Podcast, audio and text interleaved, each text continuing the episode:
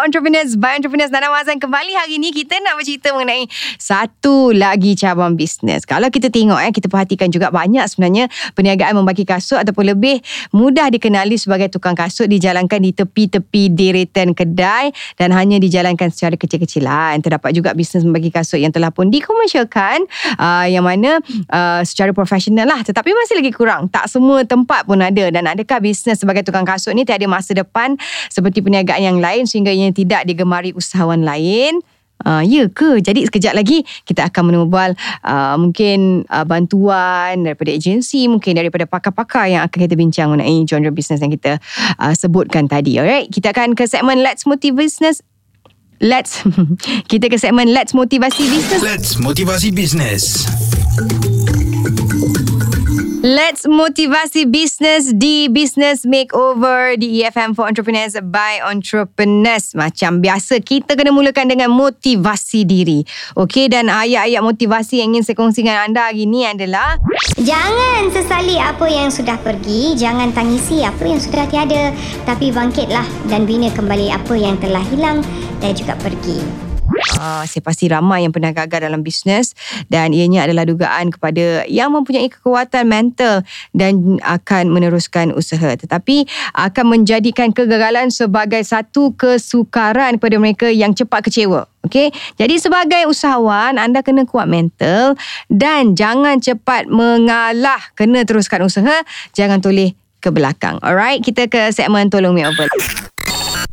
Nana, tolong me over. Business Makeover di EFM for Entrepreneurs by Entrepreneurs. Alright, sebagai uh, anda yang melakukan bisnes uh, membaiki kasut ini sering kali dianggap sebagai satu bisnes yang tidak menguntungkan dan tak glamour orang kata. Uh, sebab itu bisnes ini kurang dilakukan terutama oleh anak muda. Tetapi sebenarnya bisnes ini telah dijadikan satu bisnes yang profesional kerana teknik membaiki kasut dan juga penjagaan kasut uh, terutamanya kasut kulit yang mahal akan melibatkan penelitian yang terbaik. Uh, terdapat juga kursus-kursus penjagaan kasut secara profesional dijalankan kerana ianya satu kemahiran dan atau uh, ataupun kalau boleh kita panggil sebagai kepakaran lah eh, yang perlu ada oleh tukang kasut. Uh, memang mula mungkin daripada minat anda tak perlu pergi kelas. So mungkin kita boleh hire orang untuk buat Ha, terpulanglah apa sebenarnya matlamat ataupun misi visi bisnes anda. Jadi mengapa ramai tak ambil peluang bisnes sebagai tukang kasut sebagai satu cabang bisnes yang profesional dan juga boleh mengaut keuntungan. Ha, perlu difahamkan bahawa terdapat kasut yang bernilai beribu-ribu ringgit dan jika ianya rosak ataupun memerlukan penjagaan yang rapi maka pemilik biasanya akan mencari kedai membagi kasut yang mereka percayai.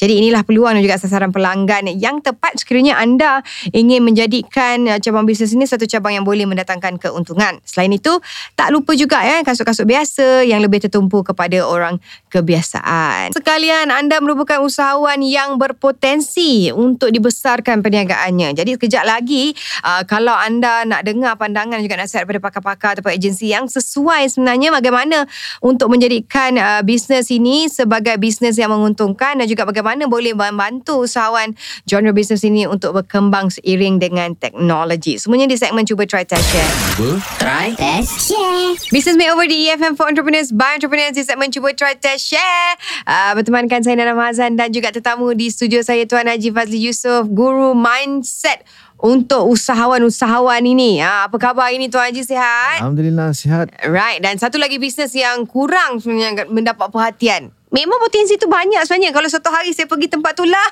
Dia tutup ni nak pergi buat betul kasut dekat mana. Ni cerita pasal usahawan secara kecil-kecilan sekarang ni. Uh, biasanya jalankan di tepi kaki lima kedai. Uh, sedangkan ada pihak yang telah pun menjadikan bisnes ni sebagai satu bisnes yang menguntungkan. Uh, jika kena cara marketing yang betul. Uh, macam Tuan Haji sendiri mesti pernah hantar kasut pergi jahit ke, pergi tampal ke dan sebagainya. Pandangan Tuan Haji sendirilah sekarang ni. Bisnes tu begitu saja. Hmm, Tidak betul. ke mana-mana. Yang 15 dah rasa dah 20 tahun lepas Pak Cik tu duduk situ. Kan? Hmm, tapi saya amazing lah dia masih sihat kan. Hmm. Dan tak berubah. I mean, bila duduk situ rasa macam time machine rasa muda balik kan. Pak Cik yang sama. Bagus juga tu kan. sama. Added value sebenarnya tempat dia Satu tu. terapi lah eh. Alhamdulillah. So, um, dia sebenarnya semua bisnes ada potential untuk grow. Mm-mm. Cuma kena ada mindset yang betul lah. Betul. So mindset tu uh, usahawan ni dia ada beberapa komponen. Salah satu mindset lah untuk membina business model itu yang besar lah. Kemudian Mhm. dari segi pemasaran, customer relationship, Lepas tu skill itu sendiri dan recruiting, grooming dan sebagainya. Ta- tapi kalau kita nak tengok kan adakah usahawan-usahawan yang buat baiki kasut kat tepi jalan ni semua ada lebih kurang mindset yang sama. Kita, aku akan kerja ni, kerja ini dan kerja ini forevernya. Sebab dia tradisi Hmm. Nana. Mungkin daripada ayah dia, pakcik dia, atuk dia ataupun kawan-kawan dia lah. Mm-mm. So dia buat sebab nak bagi kasut ni tak senang, tak boleh lah tiba-tiba sesiapa saja nak bagi kasut Betul, kan. betul. Kita bagi kasut tahu letak gam gam uhu je lah tahu kan tak Cuma jadi tak punya. jadi juga. Tak mereka Ha-ha. aha aha je lah tak uhu uhu. so uh, dia dia dapat skill tu daripada seseorang jadi dia dapat daripada tradisi dia meneruskannya secara tradisi sebab tu saya rasa Nana kalau kita Mhm. kalau mana-mana yang kita kenal mana-mana pemilik uh, yang menjalankan bisnes baiki kasut ni kalau dia really nak transform Mm-hmm. Antara yang praktikal yang boleh mereka lakukan ialah bekerjasama dengan uh, seluruh uh, pembaiki kasut di kawasan. Ada komuniti dia ya, community. Mhm. So kena buat persatuan pembaiki kasut. Mm. Kemudian apa yang mereka dapat ialah mereka uh, uh, apa ni besar, dengan sebab kalau dia nak besarkan pertama sekali cabaran terbesar adalah demand size demand tersebut Mm-hmm. bila saiz uh, saiz demand tu terma, uh, boleh dipecahkan pada dua iaitu skill dan value size. Mm-hmm. Berapa banyak orang yang bagi kasut, berapa kerap mereka bagi kasut, berapa mahal mereka sanggup bayar untuk bagi kasut. Right. Kalau kita boleh besarkan elemen ini, maksudnya cash flow akan besar. Bila cash flow besar, kita boleh bagi sama-sama kita dengan lebih baik. Mindset usahawan yang perlu penting kena ingat ialah kita jangan nak kaut 100%. Mm. Kalau 100% tu sekadar 2000 sebulan, Mhm. yang mana lebih baik kalau 100% 2000 sebulan, Mhm. tetapi 20% saja, 20% 1 per 5, tetapi 5000 sebulan. Mana lebih baik? Kan? Ha. So, orang di sekitar Cyberjaya mungkin ramai kasut terbiar je dekat rak. Mm-mm. Mana sepi je lalu beli dah daya lain dia biar jadi keras kat situ kan. Kan. Sedangkan kasut tu sebenarnya ada nilai uh, sentimental. Mm-mm. That's why dia tak buang. Dia ada kasih lagi pada kasut tersebut. Mm-mm. Kasih pada kasut. Jadi tak buang sebab apa? Kasut ni lah dia naik naik pelamin dulu. Ha, macam banyak sebab betul. Mm-mm. Inilah kasut pertama kerja dia dulu. Mm-mm. Inilah kasut yang girlfriend dia ah, girlfriend pula. Ini kasut yang girlfriend dia dah jadi isteri dia lah sekarang bagi Ah. dulu. Jadi kasut dia ada value di sebalik kasut. Tapi tak pakai sebab rosak. Tak pakai sebab rosak. Nak baiki tak confident lah apalah tak tahu kat mana lah Mm. ataupun tangguh-tangguh tak tahu nak pergi tak jumpa macam Nana tadi pergi tutup kan. Jadi ah, simpan balik lah. Baru tak pergi pergi raya tahun depan pula baru pergi. Jadi ini semua keinginan tapi tak jadi action ataupun action yang tidak sampai kerana beberapa masalah. Mm-mm. Kalau you boleh settle like this Aku Saya pergi ambil dekat rumah tuan ke hmm. Atau boleh melalui post eh?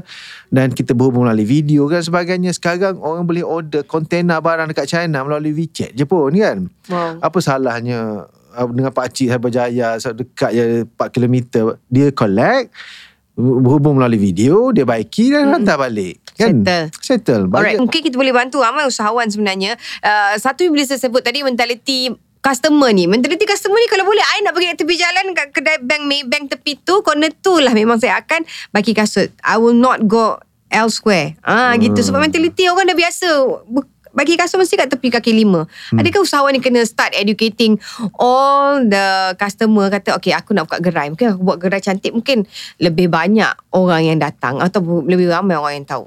Ke, Okay, macam mana? interesting. Uh, persoalan ni kalau kita boleh pecahkan uh, model bisnes, kita boleh faham dengan lebih jelas lah. Mhm. So, idenya adalah bila kita target pasaran berbeza dengan value size yang berbeza, Mhm. maka kita kena set up cara berbeza. Kalau kita nak ambil pasaran yang orang bayar RM10, RM20 untuk baiki kasut, Mhm. kita boleh buat dekat shopping mall, nanti orang tak hantar. Mm-mm. Orang takut. So, idenya adalah bila kita nak set proper kedai cantik, kita kena target pasaran orang yang bayar RM50, RM100 Mhm. untuk satu uh, ni lah pembaikan ya, pembaikian ya. untuk sekali tu baiki, cara macam mana? Dia mungkin baiki RM30 tapi kita upsell. Upsell contohnya krim kecantikan kulit kasut. kan? Right. Uh, rejuvenate uh, the skin of your uh, apa leather, shoe, uh, ah. dengan ini kan. So benda tu kadang RM30, RM40 Mm-mm. ataupun perfume kasut, deodorant kasut kan. Right. Itu pula RM25 saja. Orang pergi baiki RM30 because of saya bagi discount now. Saya bagi discount instead of baiki kasut uh, first class punya quality uh, harga sebenar RM70 saya slash RM30 saja. Tapi bila datang pertama sekali jangan lupa database kena kumpul. Hmm. Sebab dat- database ialah pelaburan untuk pembesaran bisnes pada masa akan datang. Correct. Yang yang kedua, eh, tu kita eh, kita ada relationship yang baik. Bila dia trust kita, dan RM30 is a value lebih besar daripada RM30 Right. dan dia trust produk lain dan kita boleh upsell. Mhm. Dan kita upsell lah tadi. So bila orang datang asalnya niat RM30 dia keluar dengan 10 RM100 dengan value yang dia dapat mungkin bernilai RM300 mm dia happy dia Tak ada happy masalah kat situ eh. dia happy no problem with that jangan man, jangan too manipulative lah dia unethical dia tak perlu kita cakap dia perlu kan ha, cakap cik kalau tak deodorant ni nanti boleh uh, boleh gangrene kaki tangan lah macam tu itu melampau kan itu Ha, manipulative tiga hari kena potong kaki. Ah, jadi kita tak cakap macam tu. Kita cakap yang benda betul. Right. Sebab kadang-kadang faith kita dalam bisnes macam ni, kita yakin orang tu benar-benar perlu then close it. Right. Jangan risau untuk closing. Dengan syarat kita genuinely believe that diperlukannya. Mhm. Uh, kalau kita rasa dia tak perlukan, don't be manipulative. Nanti kita bersalah. Tapi kalau Mhm. uh, nak juga macam boleh macam tu selit. Ah. You tak perlu ni tapi kalau in Ah. future maybe you need. Ah, ah, kita cakap ben- lah ah. Foto ada klien saya Dia dia pakai Dia happy Tak sangka pula benda ni seronok ah, Apa Ah. dia, macam baru kan Ah. ah. Itu that's it Itu okay Yes, alright. semua boleh tukangkasut.com contohnya kan. Mm-mm. So semua orang tahu yang kasut semua dekat situ dan bekerjasama. Mm-mm. Kalau dia the business pe- pemain business business player kena bekerjasama. This is what we call as bamboo network. Mm-mm. So bamboo tak naik dengan sebatang. Dia kena network Ramai-ramai. bersama-sama dan pasaran akan grow. Mm-mm. Bila pasaran grow, kek jadi besar, semua orang akan mendapat abundance dia ya, kelimpahan tersebut semua orang dapat. Jadi sebab tu saya sarankan pemain bisnes kena sentiasa uh, hulurkan tangan kerjasama Mhm. dan networking uh, bagi kita kuat. Bila kita kuat, pasaran akan besar dan masa tu 20%, 10% no problem. Tak marah, jangan marah sebab kita dapat banyak daripada 100% patut tadi. Dan ada dua perkara Nana kepada uh, tukang kasut perlu lakukan ialah perlu increase skill. Mhm. Skill macam tadi. Kulit keras. Ada tak teknologi? Mm. Ada tak teknologi yang boleh melembutkan kulit? Mhm. Kan? Jadi mungkin ada ada steam machine like mm you put there jadi kembang baik lembut semua kulit betul kan? Mm. Macam kasut kita bila kita redah hujan kan sejuk uh, Ha, sejuk kan jadi lembut tu sekejap kan. Mungkin ada Ha, kan? Mungkin ada pun alat untuk rejuvenate kulit pada kasut. So kita boleh buat iklan hati manusia keras. Adakah kasut anda pun sama? Lembutkan kasut anda dengan rawatan uh, apa ni? Ini umpama mesin masa kan membawa kasut anda ke masa muda anda. Cewa something like that. Jadi orang mungkin yang lah lama dalam rak kasut tu orang kata, "Eh, why not lah?" Kan? Saya pergi hantar, kita dapat uh, leads baru, kita dapat sale cash flow yang baik, kita dapat database yang baik. Right. So kita perlu uh, tingkatkan kita punya kompetensi kemahiran dia uh, dan boleh juga ni, tingkatkan nilai estetik kita. Sebab kasut ni bila kita cakap pasal baiki Mm. ada orang yang tak baiki kasut. Sebab apa? Dia tak ada nilai uh, sentimental terhadap kasut dia. Mm. so saya rasa nilai estetik perlu dikaitkan dengan membaiki kasut. Maksudnya ada tak ruang yang mana anda baiki kasut dan mengembalikan semula feeling nostalgia tersebut. Mm. Kalau boleh cari aspek tersebut, cari angle nostalgia, estetik, sentimental, Mhm. rasanya kita boleh besarkan lagi kita punya saiz pasaran tersebut. Sebab saya percaya ramai je orang ada kasut Mm-mm. yang tak dibuang dalam rak kasut kita. Sebab sayang. Uh, tapi sekarang orang don't mind spending so much on kasut. Tak kisahlah kulit ke, Hmm. kain ke dan sebagainya. Dan diorang kalau kasut ni rosak, dekat mana sebenarnya nak pergi hantar. Hmm. Sekarang ni saya tengok ada satu uh, tempat uh, kedai dia adalah untuk mencuci sneakers. Hmm. Sneakers kan kadang-kadang sneaker bukan kasut kulit kan. Uh, tak, ada orang tak kerti nak cuci kasut. Agaknya sekolah dia tak cuci kasut. so ada kedai mencuci kasut sneakers je which is a good uh, innovation lah daripada kedai kasut biasa Yes, kan. Dia cuci kasut je dan uh, tentunya pemilik-pemilik ataupun customer-customer ni uh, mem, uh, tengok benda tu as a peluang uh, yang bagus lah untuk kadang-kadang banyak kasut tak pakai. Bukan sebab rosak pun Hmm. mungkin sebab kotor je. Yes, uh, ini ada uh, orang sebab apa orang me- menyediakan khidmat mencuci macam ni. Kalau Tuan Haji tengok kan peluang-peluang yang lain yang kita boleh ambil daripada kita kalau kerja kita bagi kasut je tak tak tak, tak ada tak adalah hari-hari kasut orang rosak. Hmm. macam tu ada orang buat cuci pula. Ah mungkin I- i- ada ada lain. Ya benda tu Benda tu uh, Macam kasut kadang-kadang Kucing pun kencing betul kan Elok-elok kat kunci datang dia dia Dia thread kan dia kat situ? seret kat situ sebagai tanda apa ni jajahan dia kan. Jadi kasut je kita jadi mangsa. Okay, so now uh, memang memang usahawan ialah memberikan solution kepada orang. Mm-mm. Dan solution tu adalah subjektif. Solution hari ini mungkin bukan satu solution 30 tahun lepas. Tahun 30 lepas orang bahasa sendiri ada masa. Mm-mm. Sekarang tak ada masa, orang tak ada kemahiran Betul. kan. Jadi benda yang dulu tak masalah sekarang ada masalah. Ya. Ha, jadi usahawan ni fok- sebab tu saya sebut saya sebut usahawan kena customer centric. Mm-mm. Tengok apa keperluan orang yang saya boleh selesaikan. Mm-mm. Usahawan ialah orang yang gembira melihat customer senyum. Mhm. Dengan duit tu dia senyum lebih sebab dia kata aku bayar ni berbaloi sangat. Kita pun selalu macam tu kan. Kita bayar oh puas hati lah. Itu yang itulah passion seorang usahawan. Mm. Jadi bila kita ada mindset like this, kita tahu bukan saja aku nak aku jangan kata ah, saya buat ni saya buat benda ni sebab saya inilah inilah yang saya tahu. Mm-mm. Kan? Ini saja saya tahu. Jadi saya Buat ni je buat ini je lah. Jangan itu fokus pada apa masalah orang. Jangan Ha. fokus apa yang kita tahu saja. Faham? Yang kita tahu tu memang kita boleh tolong lah. Tapi ada lagi yang orang sebenarnya masalah yang kita boleh belajar pun pasal masalah dia. Jadi oleh kerana industri kita industri uh, kekasutan jangan rasa kusut. Mhm. Sebab dengan, dengan menggunakan kasut sebab kasut bukan satu masalah. Bukan masalah koyak saja dia masalah like, like, like, kotor, Mm-mm. berbau, keras, uh, apa ni apa sahajalah. So apabila kita ada mindset tersebut Uh, kita akan lebih besarkan kita punya uh, dimensi bisnes kita.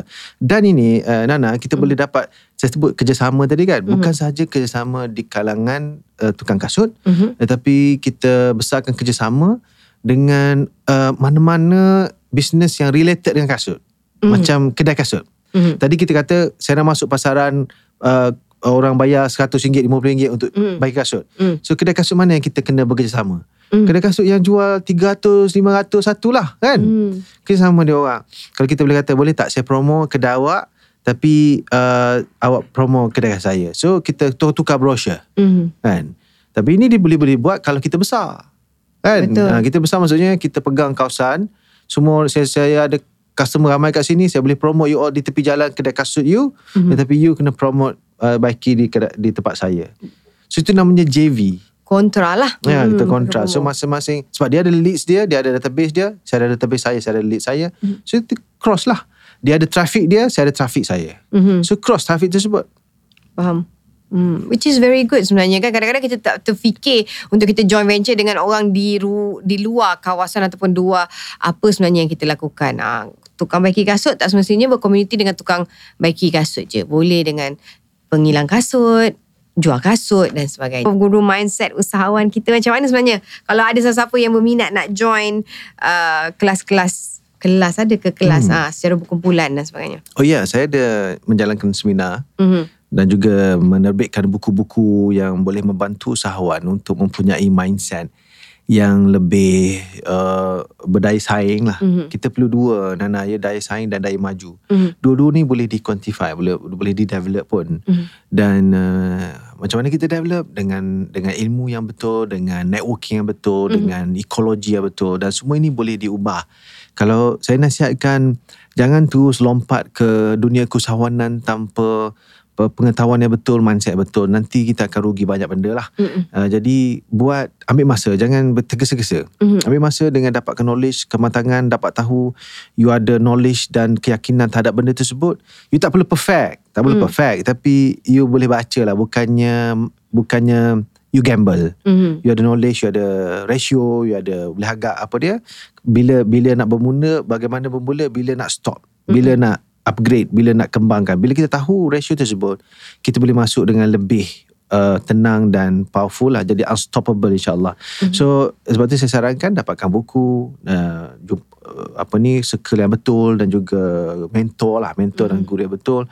For those yang nak uh, stay connected dengan saya, boleh saja kita connect, stay connected dalam tiga media sosial saya iaitu di Facebook, di uh, YouTube dan juga Instagram. Mhm. Tiga-tiga nama sama Fazli Yusof positif 360 F A D Z L I Y U S O F positif 360. Positif Melayu lah eh. ya positif uh, dalam tulisan bahasa Melayu. Right. Ha, di media sosial. Jadi kalau ada sebarang soalan nak DM sebagainya bolehlah di reply agaknya. Yes insyaAllah Ha, kadang-kadang orang malu kan nak datang kelas. Ha, Hmm. nak kena ada macam permulaan gitu. Alright, Yes, thank you yes. so much sekali lagi nak ucapkan kepada Tuan Haji Fazli Yusof kerana sudi datang. Business Makeover bersama Nana Mazan. PFM for Entrepreneurs by Entrepreneurs. Alright, kita uh, dah habis dah bercerita mengenai tukang bagi kasut usahawan ini. Macam mana sebenarnya yang harus kita lakukan. Mungkin kita boleh start community yang macam dikongsikan oleh Tuan Haji tadi bersama dengan mereka-mereka yang membagi kasut di kawasan-kawasan kita. Ha, daripada kita dapat uh, sikit sahaja uh, database, kita berka- berkongsi dengan satu community. Mungkin banyak lagi database yang kita dapat. InsyaAllah. Alright, kita akan ke segmen peribahasa di dalam bisnes Pepatah in business. Business Makeover di EFM for Entrepreneurs by Entrepreneurs di segmen peribahasa yang boleh kita gunakan dalam bisnes. Sebab apa eh kita nak ketengahkan segmen ini uh, selain daripada kita nak uh, bertujuan mendidik pendengar supaya tidak melupakan peribahasa-peribahasa lama, juga sebenarnya peribahasa ini sangat sesuai untuk dijadikan panduan dalam hidup kita dan juga bisnes. Dan hari ini peribahasanya adalah Ya sepanjang hari, janji sepanjang jalan. Ha, ini pun saya tak pernah dengar. Maksudnya apa? Maksudnya mudah membuat janji tetapi suka melaksanakan. Ha, sebagai usahawan janganlah kita berjanji tak kisahlah dengan kaki tangan ke, dengan pelanggan ke, dengan siapa-siapa je lah. Jika kita tak mampu melaksanakan apa yang kita janjikan. Jangan berjanji, okey? Berjanjilah uh, apa yang anda mampu saja. Pasti bisnes anda akan berjaya. Kadang-kadang kan sebab janji itulah membinasakan bisnes kita kerana mulut badan binasa. Ah, Itu kita hari lain pula. Okey.